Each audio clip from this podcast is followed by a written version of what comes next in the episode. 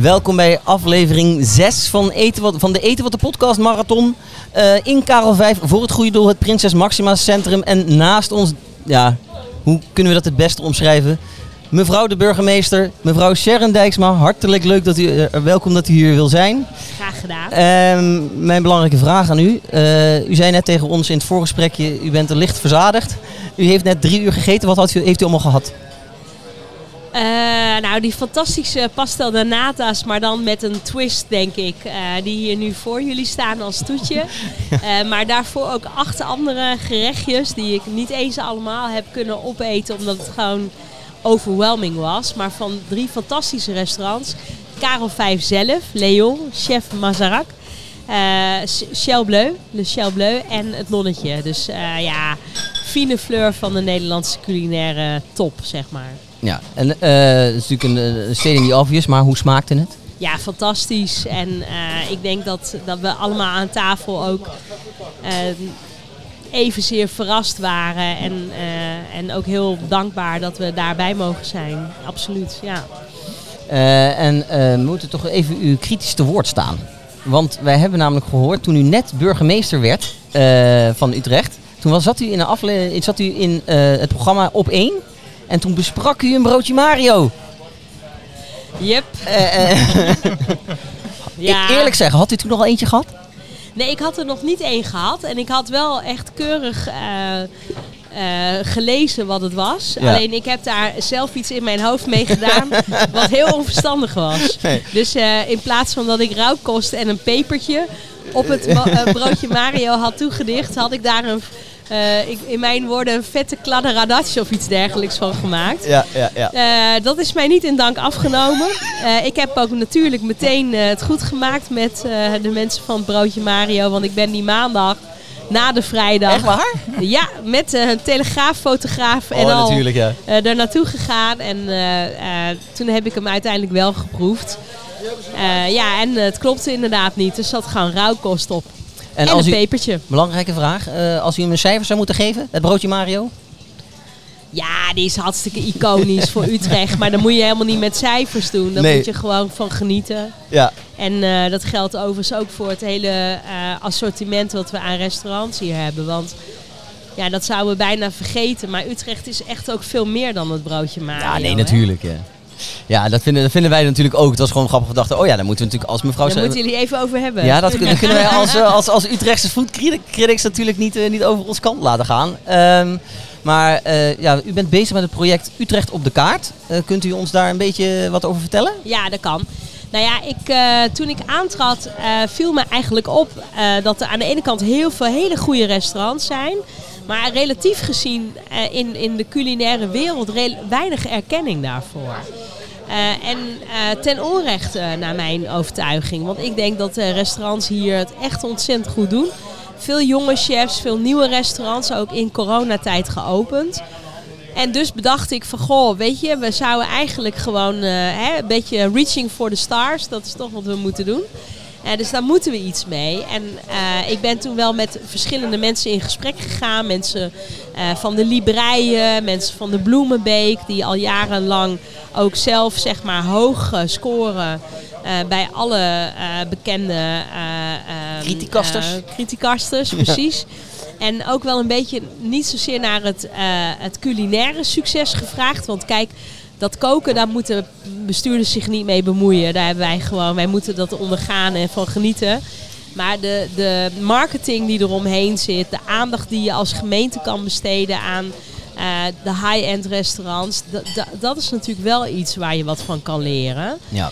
En eh, ik wilde eigenlijk, nou, gewoon nieuwsgierig als ik ben, weten hoe kan het nou dat ze het in de Lutte en in Amsterdam en in eh, Zeeland zo goed doen. En wat doen wij dan niet? En, eh, en eigenlijk is het gewoon met de hashtag Utrecht op de kaart wel een beetje gezegd. We zijn vooral heel bescheiden. Ja, dat eh, vertelde Arjan Spilman, eh, de twee sterren Michelin-ster van? God, Uh, Shellbleu. Sjelbleu, dankjewel. Die vertelde Ja. dat, die zat in de vorige aflevering van ons. En die zei inderdaad, ja, Utrecht heeft gewoon een beetje een, ja, we zijn, we zijn te vriendelijk misschien ja, wel. Ja, klopt. En eh, nou, dat moet gewoon anders worden. En eh, nou, u bent natuurlijk Utrechter nu. Eh, wat zijn dan uw favoriete, re- favoriete restaurants hier? Dat wil natuurlijk de luisteraar Oh, nou, ik heb weten. echt een heleboel. Want eh, ehm, eh, je moet, op één been kun je niet staan, hè? Nee, nee, Dus zeker niet. eh, ik wil echt wel de, de luisteraars heel veel tips geven. Nou, Bijvoorbeeld Meef aan de Kromme Nieuwe Gracht. Tommy den Hartog met 273, Oude Gracht 273. Fantastisch ja, restaurant. hebben wij ook... Alex Zelenberg van Concours. Schitterend restaurant. Hemel en aarde. Eh, ook even fantastisch. Je hebt Madeleine, je hebt Simple. Nou ja, weet je, je hebt zoveel goede redenen om in Utrecht te gaan eten. En eh, als je al die restaurants bij elkaar optelt, want ik heb maar een fractie nu genoemd van dat wat goed is. Ja, dan, eh, dan kan je je wekenlang plezier hebben. Ja, en er is ook wel echt heel veel veranderd de Ja. afgelopen twee jaar. Nou, überhaupt corona natuurlijk, er gingen restaurants weg. Maar eigenlijk denk ik dat Utrecht daar heel goed is uitgekomen. Er zijn heel veel nieuwe zaken gekomen. Ja, En dat, dat, dat is natuurlijk met uw project begonnen dan. Nou, nee, die, die chefs die waren al begonnen. Maar wat ik hoop, wat wij hebben kunnen doen, is eh, nog meer dan zij onderling al deden. Want zij hebben elkaar in coronatijd zelf ook al gevonden. Hè? Door bijzondere projecten te beginnen met, met, met boxes die eh, verschillende restaurants samenstelden die je dan kon afhalen. Dus er was al wel een, een zaadje geplant voor goede samenwerking. En eigenlijk hebben we daar wel gebruik van gemaakt om mensen bij elkaar te halen en te zeggen van joh, laten we elkaar niet als collega's zien. Want eh, bedoel, als je één keer voor een goed restaurant naar Utrecht komt, kom je vaker. Eh, laten we ervoor zorgen dat we onszelf neer gaan zetten als culinaire stad. Eh, wat mij betreft al- als culinaire hoofdstad. Want eh, ik wil altijd graag meteen heel goed doen. Ja. En niet, niet omdat ik denk dat we dat onmiddellijk bereiken, maar je moet ergens naartoe werken. En je moet daarin vooral niet, zoals Utrecht wel gewend is, te bescheiden zijn. En, en dat helpt volgens mij wel om nou, heel veel dingen van de grond te krijgen, waaronder de samenwerking met GoMio. Eh dat heb ik wel echt ook eh, eh, zelf aangejaagd, zeg maar. kun, je me daar, kun je de luisteraar daar wat meer over vertellen? Nou ja, ik, op een gegeven moment kreeg ik via mijn netwerk te horen dat eh GoMio waarschijnlijk niet meer haar gidspresentatie bij de Horecava in Amsterdam zou doen. Mhm. En op zoek was naar een nieuwe locatie en misschien ook wel een nieuwe stad. En ja, dat gat, daar ben ik letterlijk ingesprongen. door Godfried van de Lucht en eh Luc Hoornaerts uit te nodigen om met ons te komen praten. En ook wel te kijken van, goh, wat kunnen wij samen doen om te bevorderen dat jullie eh, je gids eh, niet alleen afgelopen jaar, maar ook de komende twee jaar in Utrecht gaan presenteren. En eh, dat is een uitstekende samenwerking geworden. En ik denk ook wel stiekem dat het oplevert dat de events zoals die van vandaag, maar ook andere dingen die GoMio in Utrecht organiseert, natuurlijk voor een deel daar ook uit voortgekomen zijn. Eh, dus het is een eh, voor ons beiden, denk ik, zeer profijtelijke samenwerking gebleken. Omdat Utrecht als een nieuwe basis voor GoMio een hele mooie plek is.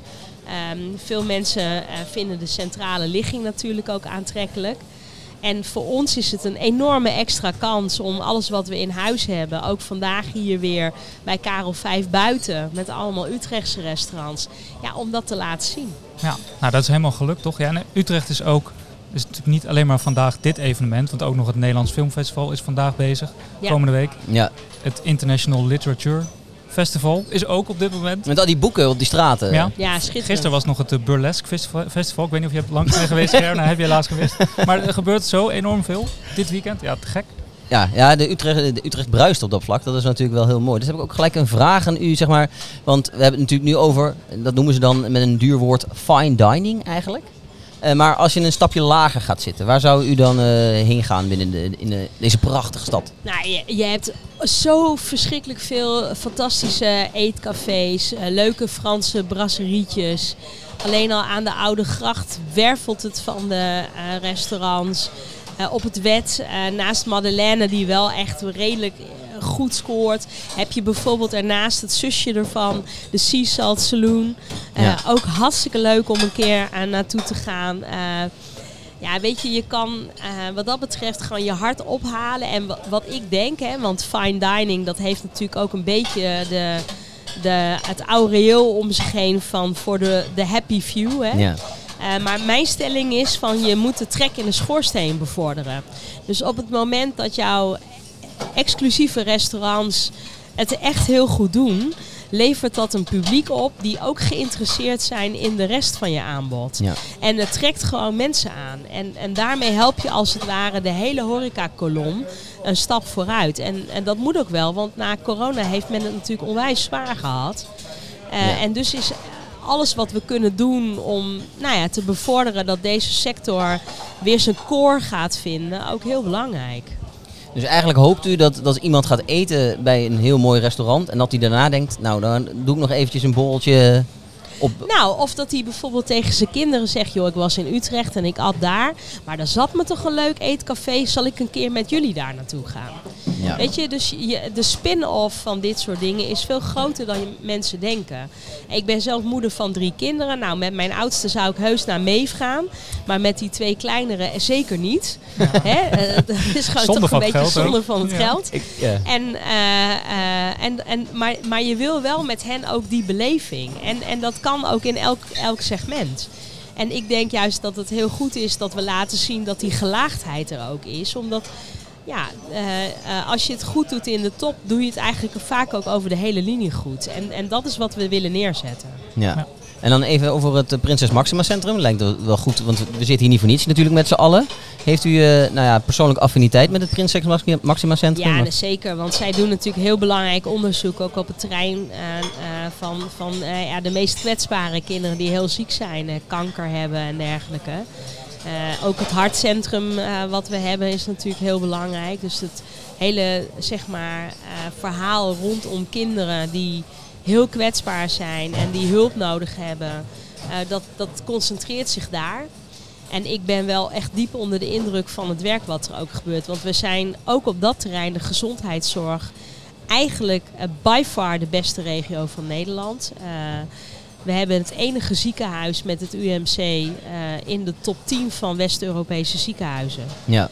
Op nummer 6. Dat weet niemand, maar dat is wel echt zo. En die samenwerking met, met Maxima en met, met het Hubrecht Instituut en al die andere GenMap en allerlei spin-offs die daar omheen zitten, is echt cruciaal om wereldwijd zeg maar, mensen die heel ziek zijn en misschien onder normale omstandigheden dood zouden gaan, het leven te kunnen laten behouden. Want daar gaat het echt over. Ja. En dat is wat zij doen. Jelle? Mooi, mooi slotwoord, toch? Ja? Utrecht Zo is het. Ja, ik, dacht... Ja, ik of wil heb je nog één vraag? Nou, ik denk ik- dat jij gaat vragen Een favoriete, shoot-out vraag. favoriete snackbar. Ja, die heb ik eigenlijk niet eens echt, moet ik heel eerlijk zeggen. Want ik ben een van de weinige Nederlanders die niet van patat houdt. Wat? Wauw. Nou. Ja, Dit- sorry. Kom, even een bom. eh, Ja, dit- is een bommetje. Ja, sorry voor dat. Ja. En eh, plaatselijke, de plaatselijke kroeg bij u in de, in de wijk? Nou, ik ben, ik ben wel regelmatig te vinden eh, eh, bij alles wat rondom het Stadhuisplein eh, zit. Want ja, weet je, dan hebben we raadsvergadering en dan is het ook goed gebruik om na afloop met college en een aantal raadsleden die daar zin in hebben nog even na te praten. Kopen bij Café de Zaak En, of zo. eh, ja, bijvoorbeeld, daar kom ik. En eh, bij Ubica en al die anderen. Dus eh, ja, zeker. Nou, voor onze luisteraars die stiekem mevrouw Bur de burgemeester Sharon Dijksma willen, in het echt willen spotten. Ja. Kom naar het Stadhuisplein. Juist. Hartstikke bedankt, Sharon, me- mevrouw de burgemeester. En eh, dan roep ik jullie allemaal nog massaal op om te doneren via vriendvandeshow.nl slash eten wat de podcast. Eh, doe een eenmalige donatie. Maakt niet uit hoeveel je doet. Vinden wij niet interessant. Eh, zoveel mogelijk is het mooi natuurlijk. Maar iets is al geweldig. Eh, voor het Prinses Maxima Centrum. En dan zien we jullie het, eh, of dan horen jullie ons het volgende uur weer, denk ik. Zeker, tot Goed dan. zo. Doeg! Dank jullie wel.